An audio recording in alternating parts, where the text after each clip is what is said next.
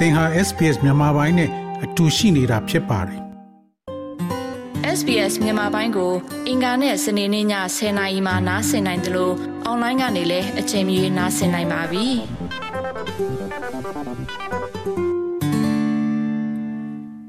သောရရှင်များယခုတင်ဆက်ပေးမှာကတော့သင်အုံနောက်ကိုတက်ကြွစွာ ထိန်းထားခြင်းဖြင့် dementia ကိုနှောင့်နှေးစေနိုင်တယ်ဆိုတဲ့ဆောင်းပါးပဲဖြစ်ပါတယ်။ အသက်80နှစ်ရောက်တဲ့အခါလူတွေကသူတို့ရဲ့စိတ်ချမ်းသာရေးအတွက်ပိုပြီးအရေးကြီးလာပါတယ်။ဤဒီမှာဘဝနောက်ပိုင်းတွင် dementia ဖြစ်ပွားနိုင်တဲ့အန္တရာယ်များကိုစူးစမ်းလေ့လာတဲ့အခါ Monash တက္ကသိုလ်မှသူသေသနာပြုထားသောရလဒ်များကိုမြင်တွေ့နိုင်ပါတယ်။ Monash တက္ကသိုလ်ရဲ့လေ့လာမှုတစ်ခုအရလူနေမှုပုံစံအသိဉာဏ်ကြွယ်ဝမှုသည် dementia အန္တရာယ်များကိုရှော့ချခြင်းနဲ့ဓာတ်ရိုက်ဆက်ဆက်မှုရှိနေတယ်လို့ကောက်ချက်ချထားပါတယ်။ဒါပေမဲ့လူတို့ထင်မြင်ယူဆပုံနဲ့စမ်းကျင်ဘက်ဖြစ်သောကျမ်းမာသော စိတ်ပန်းဆိုင်ရာဘဝရဲ့လှုပ်ဝက်ချက်မှာလူမှုရေးလုပ်ငန်းများတွင် များစွာပါဝင်ခြင်းမဟုတ်တော့လဲဆရာဝန်များက crossword puzzle သို့မဟုတ် chess game ကစားခြင်းကဲ့သို့သောဉာဏ်ရည်ဉာဏ်သွေးဆိုင်ရာ cognitive စိန်ခေါ်မှုများကို ကစားခြင်းသည်သိမြင်မှုဆိုင်ရာစိန်ခေါ်မှုများတွင် ပါဝင်ဆောင်ရွက်ခြင်းရဲ့ရလဒ်များဖြစ်တယ်လို့ဆိုပါတယ်။ Monash တက္ကသိုလ်မှသူသေသနာကိုဦးဆောင်ရေးသားသူပါမောက္ခ Joan Ryan ကစိတ်ကိုအလုံများနေစေရန်အမြဲတမ်း လှုပ်ဆောင်နေခြင်းများကမလုံလောက်ဘူးလို့ပြောဆိုပါတယ်။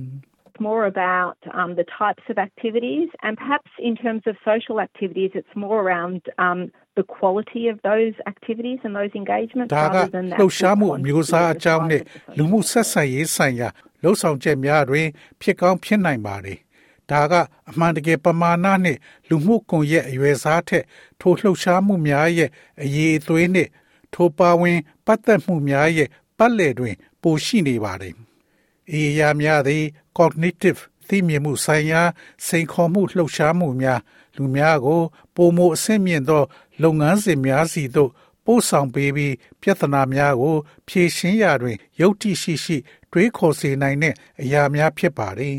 ။သူသေးသည်များသည် လေးလာမှုစတင်ခြင်းတွင် စိတ်ကြယောဂလက္ခဏာမပြသော အသက်80နှစ်အထက် Australian တထောင်ကျော်ထံမှအချက်လက်များကိုကောက်ယူခဲ့တာဖြစ်ပါတယ်။စနစ်တာကာလအတွင်းလူများရဲ့နေထိုင်မှုပုံစံနဲ့ယောဂဖွံ့ဖြိုးတိုးတက်မှုကြားဆက်နွယ်မှုကို ခွဲခြမ်းစိတ်ဖြာခဲ့ကြပါတယ်။ပညာရေးအတန်းများ journal များသိသိထားခြင်းနဲ့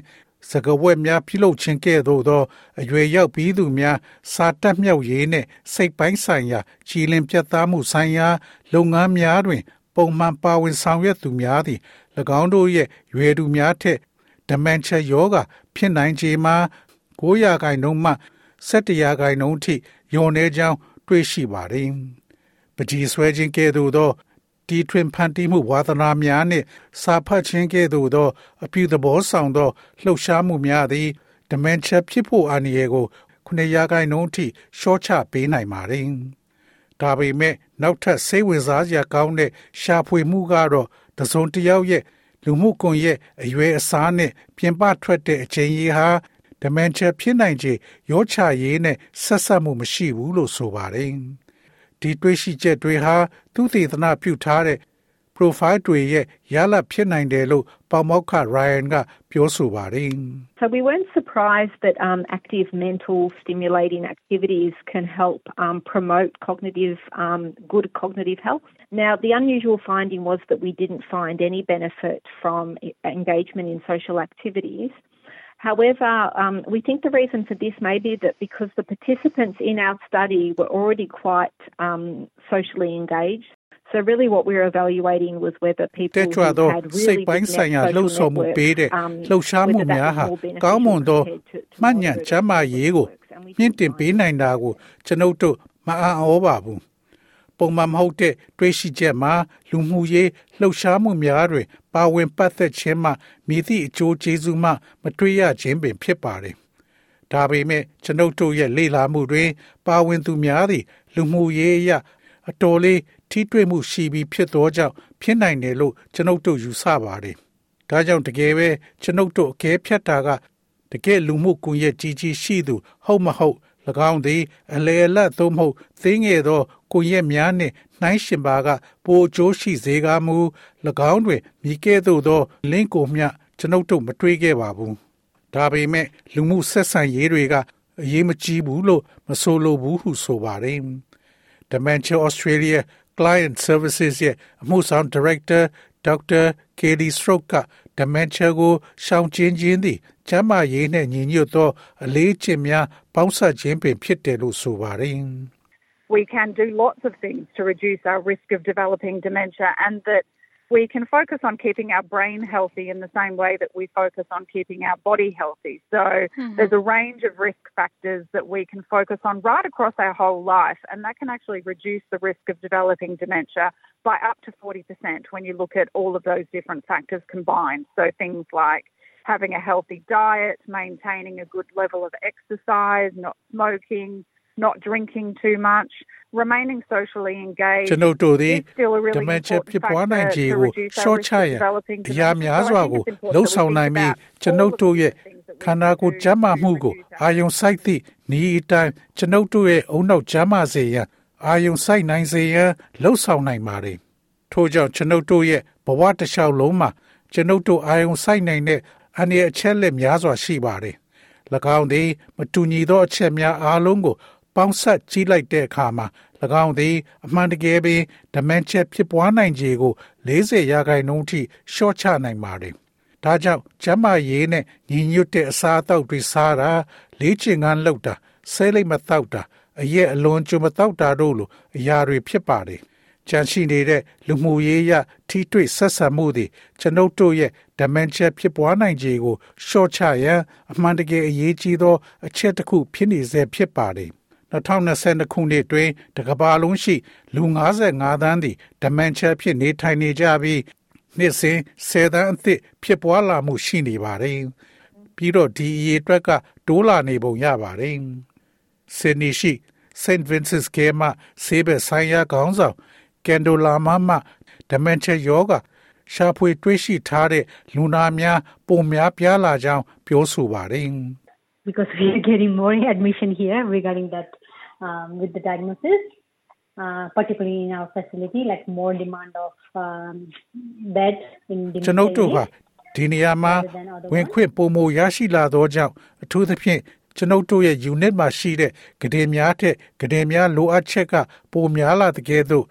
ယောဂရှာဖွေတွေးရှိမှုနဲ့အတူအထူးသဖြင့်ကျွန်ုပ်တို့ရဲ့ဌာနမှာဖြစ်ပါတယ်ဒေါက်တာစတုတ်သည်ဒီလိုတိုးလာရတဲ့အကြောင်းရင်းကို မသိရသေးဘူးလို့ပြောဆိုပါတယ် it's not clear whether that's just because as a population we tend to live longer. So while dementia is not a natural part of aging, it is something that our risk increases as we age about developing dementia. So it's possible that that is one factor. We know, as I say, that uh, dementia is the leading cause of death of women uh, in Australia, and we know that you know hundreds of thousands of people are impacted by dementia around the country. So, အသက်ပိုရှိလာလို့လားဆိုတာရှင်းရှင်းလင်းလင်းတော့မသိရသေးပါဘူး။ဒါကြောင့် dementia သည်အိုမင်းကြီးရဲ့သဘာဝအစိတ်ပိုင်းမဟုတ်တော့လဲကျွန်ုပ်တို့ dementia ဖြစ်နိုင်ခြေများတိုးများလာတာဖြစ်ပါတယ်။ဒီတော့ဒါကဖြစ်နိုင်တဲ့အချက်တစ်ခုပါပဲ။ ကျွန်ုပ်တို့ပြောတဲ့ကဲ့သို့ဩစတြေးလျမှာအမျိုးသမီးများသေဆုံးရခြင်းရဲ့အဓိကအကြောင်းရင်းမှာဒမန်ချာယောဂါကြောင့်ဖြစ်ပါတယ်ပြီးတော့နိုင်ငံတော်ဝန်မှာ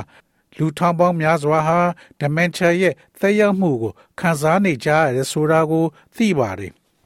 ထို့ကြောင့်ကျွန်ုပ်တို့သည် ကျွန်ုပ်တို့ရဲ့အုံနောက်ကျမ်းမာရေးနဲ့ကျွန်ုပ်တို့ဘာလုပ်နိုင်တဲ့ကိုအမှန်တကယ်သတိရှိရန်လိုအပ်ပါတယ်ဒါပေမဲ့တွေးရှိချက်တွေကဒီယောဂအတွက် ကြိုတင်ကာကွယ်နိုင်တဲ့ကုသမှုမရှိသေးပါဘူး။ပျောက်ကင်းအောင်လည်းမကုသနိုင်သေးပါဘူး။ Professor Joanne Ryan ကတကယ်အကျိုးအမြတ်ကချမ်းသာတဲ့စိတ်ကို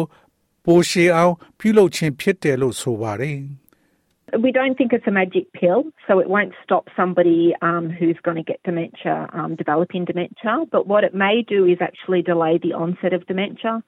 So people who um, develop dementia have a pathology that starts in the brain, and we think through doing these activities, they may actually uh, delay the onset of any cognitive ဒါကြောင့် dementia ဖြစ်လာမဲ့သူရဲ့ dementia ကြီးထွားမှုကိုမရက်တတ်နိုင်ပေမဲ့အဲ့ဒါကအမှန်တကယ်တော့ dementia ဖြစ်ပွားမှုကိုနှောင့်နှေးစေနိုင်ပါတယ်။ဒါကြောင့် dementia ဖြစ်ပေါ်လာတဲ့လူတွေမှာအုံနောက်ထဲမှာစတင်တဲ့ယောဂဗေဒရှိကြပါတယ်။ ပြီးတော့ဒီလှုပ်ရှားမှုတွေကိုလှုပ်ခြင်းအပြင်သူတို့ဟာသိမြင်မှုဆိုင်ရာ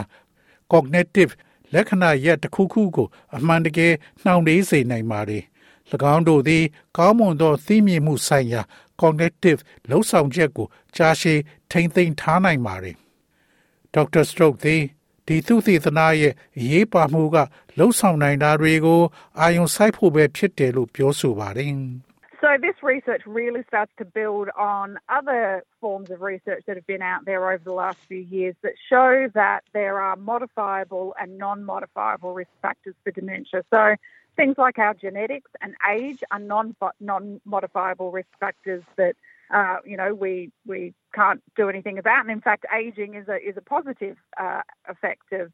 of um you know living longer and uh, ဒါကြောင့်ဒီသုသေသနာဟာ dementia ယောဂအတွက်ပြုပြင်မွမ်းမံနိုင်သောအနေအချက်များရှိကြောင်းပြသတဲ့လွန်ခဲ့သောနှစ်နည်းငယ်တွင်ကထွက်ပေါ်လာခဲ့သော တခြားသူသေသနာပုံစံများပေါ်တွင်စတင်တည်ဆောက်နေပြီဖြစ်ပါတယ်။ဒါကြောင့်ကျွန်ုပ်တို့ရဲ့မျိုးဗီဇနှင့်အသက်ကဲ့သို့သော အရာများသည် ပြုပြင်၍မရသောစွန်စားမဲ့အရာများဖြစ်တာကိုသင်သိပါတယ် ကျွန်ုပ်တို့ဟာမိသည့်အရာနှင့်မျှမလုံဆောင်နိုင်ပါဘူးတကယ်တော့အိုမင်းခြင်းသည် အသက်ရှည်ခြင်းနဲ့အသက်ပိုရှည်ခြင်းရဲ့အပြုသဘောဆောင်သောသက်ရောက်မှုတစ်ခုဖြစ်ပါတယ်သို့သောကျွန်ုပ်တို့အာယုံစိုက်နိုင်တဲ့မောမှန်ပြင်ဆင်နိုင်သောစွန်စားရနိုင်သော အကြောင်းရင်းများစွာရှိပြီးကျွန်ုပ်တို့ရဲ့ဘဝတစ်လျှောက်လုံးတွင်အာယုံစိုက်လှုပ်ဆောင်တဲ့အရာများစွာ ရှိနေပါတယ်အစောပိုင်းပညာရေးအဆင့်အတွက်ချိန်ညှိထားသည့်တိုင် သူသေသနာရလများသည်ကိင်္ဂနန်းအရတိသာထင်ရှားစွာတည်နေကလူမှုစီးပွားရေးအခြေအနေနှင့်အမျိုးသားနှင့်အမျိုးသမီးကြားတိသာထင်ရှားသောကွဲပြားမှုများကို မတွေ့ရဘူးလို့ဆိုပါတယ်2022ခုနှစ်တွင်ဩစတြေးလျမှာလူ၄သိန်းနီးပါး dementia ရှိနိုင်တယ်လို့ခန့်မှန်းထားပါတယ်။ခန့်မှန်းကြီးအဖြစ် dementia ရောဂါရှိသော အမျိုးသားဦးရေသည်2010ခုနှစ်တွင်တသိန်းနီးပါးမှ2058ခုနှစ်တွင်3သိန်းကျော်ထိတိုးလာနိုင်ပါသည်။ Dementia ယောဂါရှိသောအမျိုးသမီးဦးရေသည်2010ခုနှစ်တွင်2သိန်းနီးပါးမှ2058ခုနှစ်တွင်9သိန်းကျော်ထိတိုးလာနိုင်မယ်လို့ဆိုပါတယ်။သောရရှိမြခင် SBS သတင်းဌာနက Adriana Winstock ရဲ့ဆောင်းပါးကိုဘာသာပြန်တင်ဆက်ပေးထားတာဖြစ်ပါတယ်ခင်ဗျာ။ sbs.com.au/bemis ကို home နေရာမှာထားပြီးတော့အမြဲတမ်းနှာစင်နိုင်ပါတယ်။နောက်ဆုံးရသတင်းတွေ၊စောင်းမားတွေနဲ့စစ်တမ်းတွေမှာပါဝင်ပြီးတော့ဆက်သွယ်မှုလုပ်နိုင်ပါတယ်။ sbs.com.au/bemis ဖြစ်ပါတယ်ရှင်။